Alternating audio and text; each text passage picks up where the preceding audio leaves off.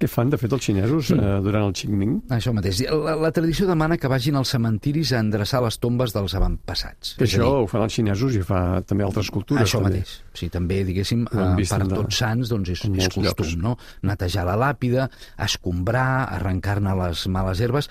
Mm, això d'escombrar, de fet, un altre nom d'aquesta festa és precisament la del dia d'escombrar tombes ja ho dius tu, és l'habitual arreu del món, però els xinesos tenen alguns costums més peculiars.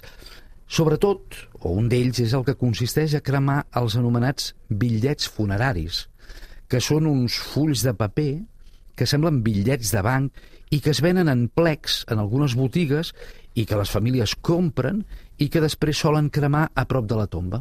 Perquè, d'alguna forma, els esperits dels morts doncs, puguin fer ara vaig dir una, una bestiesa, eh? La, les seves compres en el més enllà. No és cap... Que els xinesos fan servir molt el mòbil, eh? No sé si fan servir els bitllets encara. Sí, no, no, no, no és cap bestiesa. De fet, de, de la mateixa manera que en tantes cultures es fan ofrenes de menjar o ofrenes de beguda amb la idea que també els morts mengen i beuen d'alguna manera en l'altre món. Doncs en el cas dels bitllets és el mateix cas. És a dir, els xinesos creuen que els seus morts també utilitzaran en el més enllà doncs, aquests eh, bitllets per comprar. I qui deu bitllets diu xecs o diu targetes de crèdit funeraris perquè també tenen aquesta mateixa destinació i també estan a la venda. Calla!